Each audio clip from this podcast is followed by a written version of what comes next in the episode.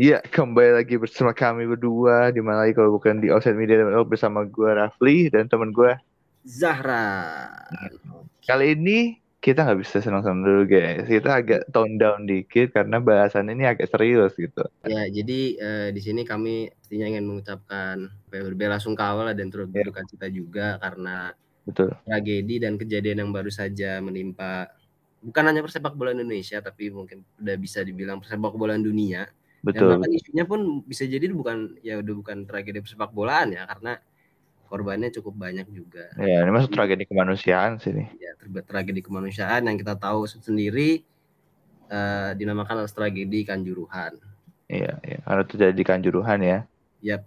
Jadi um, awalnya itu memang pertandingan antara Arema FC dan Persebaya yang kita tahu lah ini kan memang derby ya dan yeah, kita tahu lah kalau di Indonesia panas apa sih derby gitu karena ya sama kayak Persija Persib ya Arema Persebaya gitu derby Jatim kan ini apalagi yeah, benar. dan ya masing-masing klub pengen menang supporter pengen menang dan ya ternyata hasil akhirnya Arema kalah gitu ya dua tiga hmm. oleh Persebaya uh, mereka bermain di kandang home di stadion yeah. mereka di Kanjuruhan dan ya banyak supporter yang mungkin tidak menerima gitu ya, tidak menerima kalah kalahan dari timnya dan ya akhirnya terjadilah gitu ya kronologis kejadiannya.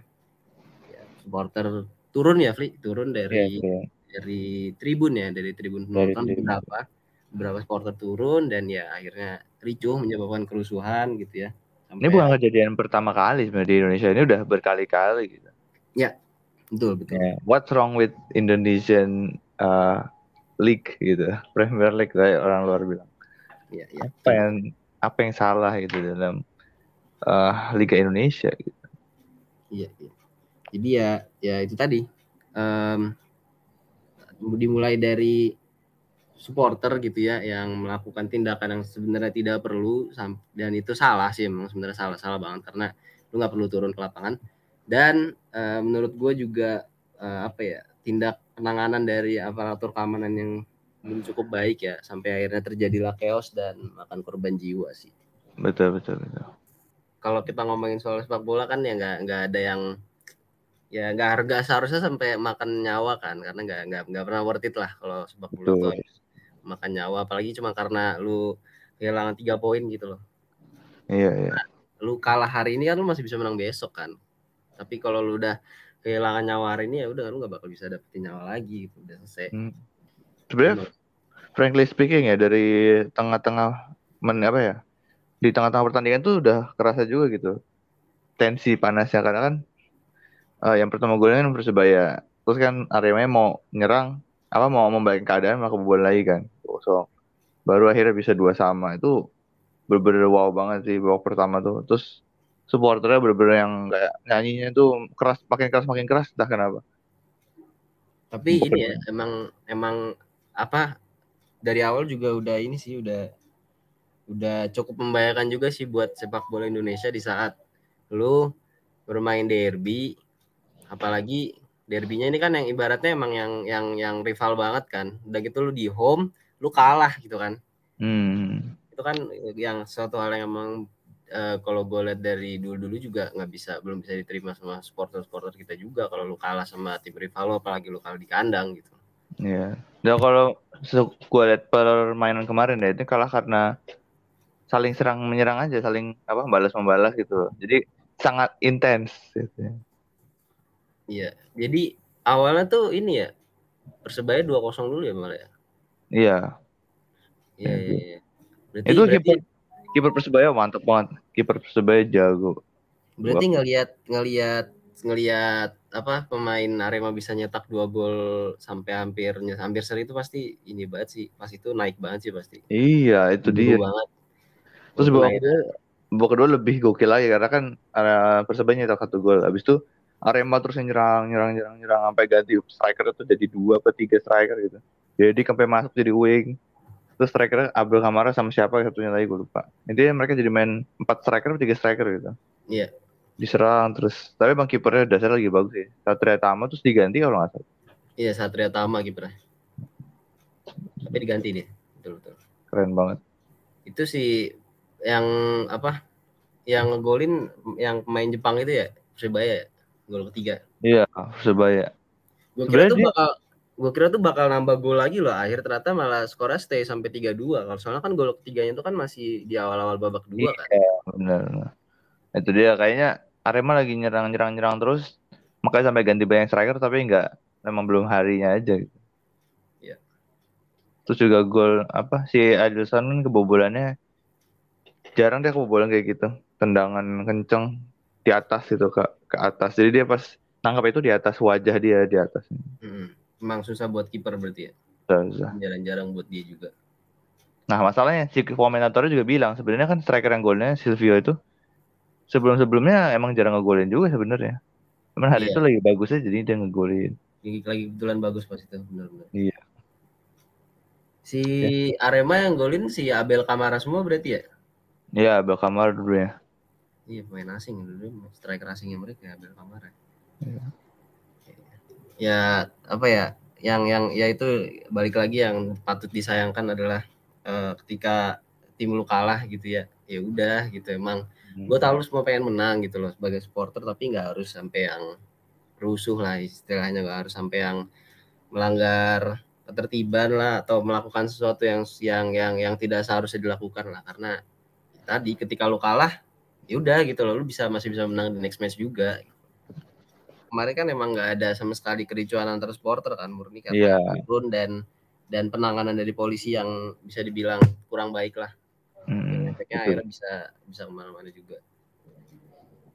Walaupun yang yang lagi ditunggu sampai sejauh ini ini kan sebenarnya hukumannya kan dan kabarnya sih Arema katanya sih dihukum nggak nggak boleh main home ya Iya, nggak boleh mendikan juruhan. dan gua gua pun gua nggak tahu ya harus komentar gimana tapi ya gua mempertanyakan aja sih apakah eh, hukumannya ini udah cukup bijak gitu ya mengingat tragedinya cukup besar juga kan apalagi cepet banget sampai sampai udah kesebar ke seluruh dunia dan memakan korban cukup banyak juga gitu loh Iya, iya. Apalagi bukan cuma di Arema ini berpengaruh sama timnas juga sih. Yang lagi sedang ya bagus-bagusnya lagi apa ya istilahnya?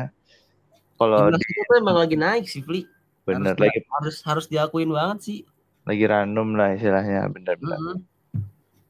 Apalagi Sayang banget kalau saya kalau terhenti gara-gara ini.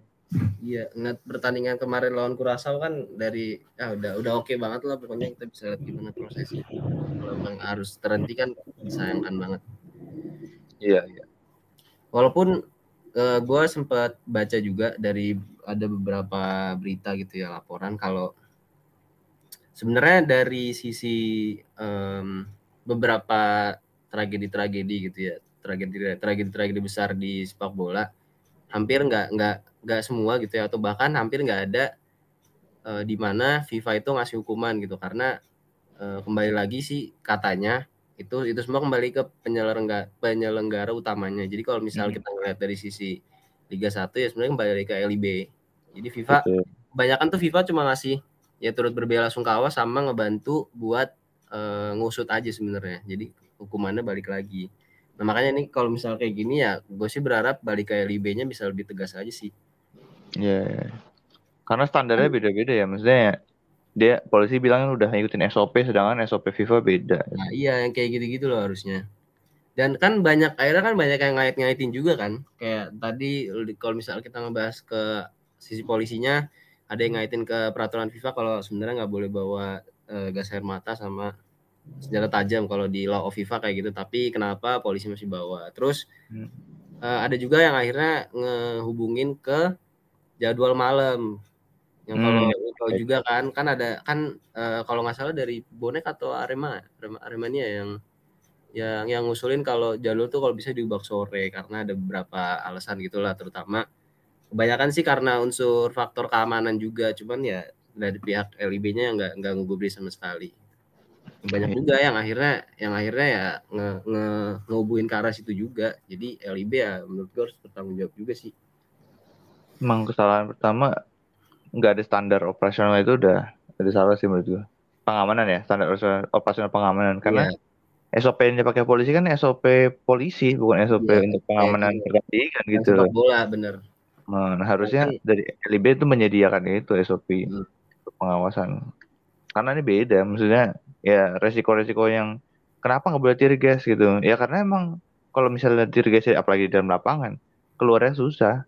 Iya. Pasti kayak gitu. Apalagi kalau pintu cuma satu dan ini gue jadi inget dulu ada gue pernah nonton youtuber mana gitu dia ngeri uh, kayak storytelling gitu ada cerita jadi di Amerika itu ada sebuah bar di mana bar itu suatu saat itu menyelang apa ya menyelenggarakan sebuah party yang isinya ratusan orang gitu hmm. tapi ada satu pintu masuk dan satu pintu keluar harusnya ada enam jadi ada di sisi barat ada sisi timur dua sisi selatan dua gitulah ini soalnya enam yang dibuka tuh saat itu cuma satu supaya yang masuk tuh dari satu tempat aja gitu kan. Mm-hmm. Nah, ternyata yeah, yeah. di tengah-tengah um, party itu ada kebakaran ceritanya di dalam situ entah ada orang ngerokok terus apa kena gorden terus kebakaran apa gimana gue lupa. Nah cuma karena cuma ada satu pintu akhirnya orang semua mau keluar kan dari satu pintu itu akhirnya banyak yang meninggal ratusan atau iya. dua ratusan orang itu karena susah dan desek-desekan tadi ya bener harusnya ada plan B-nya juga sih. Plan B juga penting. Misalnya kalau ada kejadian-kejadian kayak gitu, ya dibuka kayak pintunya sama kayak stadion juga. Iya, iya, betul betul. Dan iya iya iya sih benar. Harus harus apa ya? Emang harus di harus ada evaluasi lagi sih terkait penanganan juga. Walaupun eh, ada harus ada ya harus ada kesadaran juga dari pihak supporter kembali lagi sih kembali lagi menurut gua harus dikuatin juga dari pihak supporter kalau memang timnya kalah ya, ya jangan jangan mencoba untuk melakukan sesuatu hal yang tidak dianjurkan gitu ya. Hmm. Gue jadi inget yang waktu itu Indonesia sama Vietnam tuh yang timnas Vietnamnya batu apa apa gitu pas lagi ada lempar botol ya pas lagi latihan gue dulu. Iya, botol sih kayak, kayak botol deh itu. Ya botol ya. Kayak botol sih. Eh. kayak gitu lah, harusnya harusnya jangan lah gitu. Tolong lah ini Ya, Walaupun ya kita nggak membenarkan aksi dari pihak aparatur keamanan juga ya karena tadi maksudnya standarnya juga nggak jelas mereka mengacu ke mana karena kalau kita ngacu ke sepak bola harusnya nggak pakai tear gas sama sekali ya. kan mereka malah mati juga jadi ya itu yang harus diusut tuntas aja sih betul betul,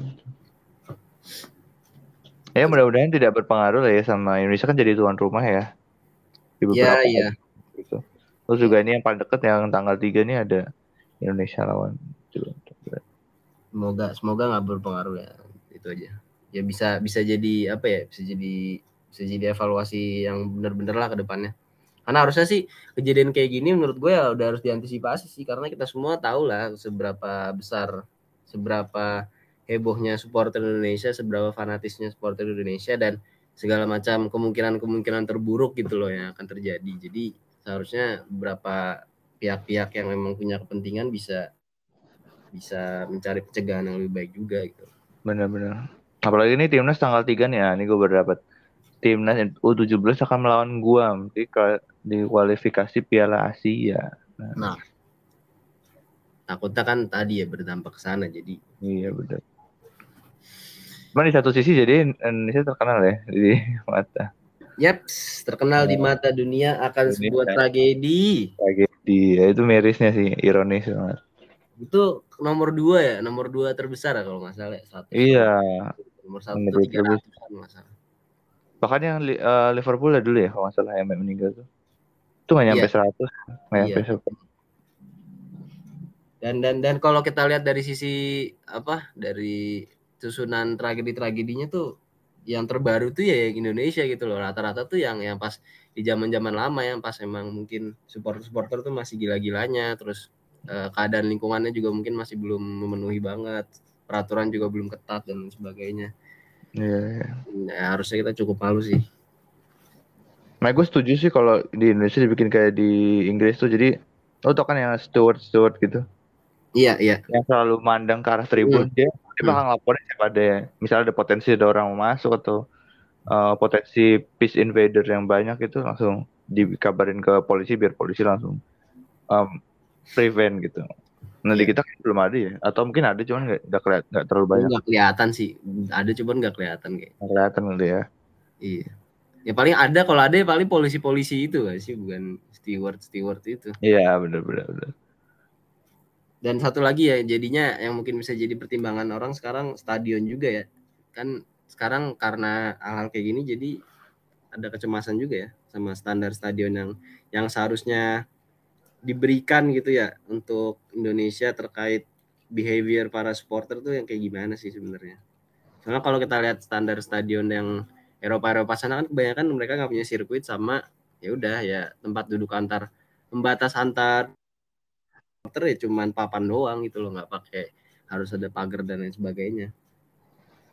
Kalau menurut gue kenapa di Indonesia nggak kayak di Inggris sih? Karena Indonesia kan mostly stadionnya itu punya Pemda gitu kan.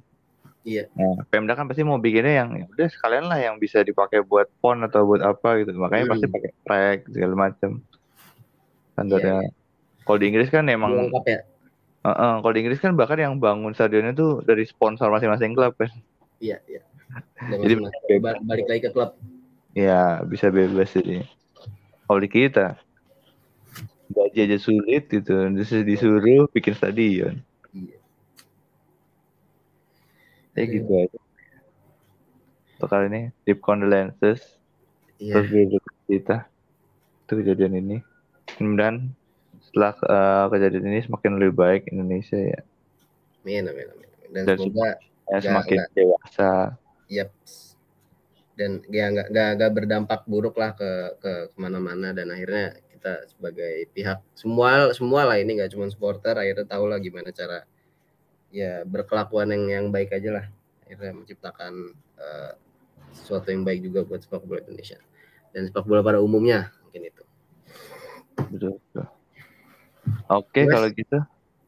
Cukup sih, Fli. Cukup kali gini ya. Uh, jangan lupa saksikan terus Offset Media Network untuk menunggu bahasan-bahasan selanjutnya. Apalagi ini mendekati uh, Piala Dunia ya, Ran. Bakal banyak. Bulan November nih. Iya. Oke kalau gitu. Gue Raffi pamit. Gue Zahran pamit, sampai ketemu di podcast selanjutnya. Bye-bye.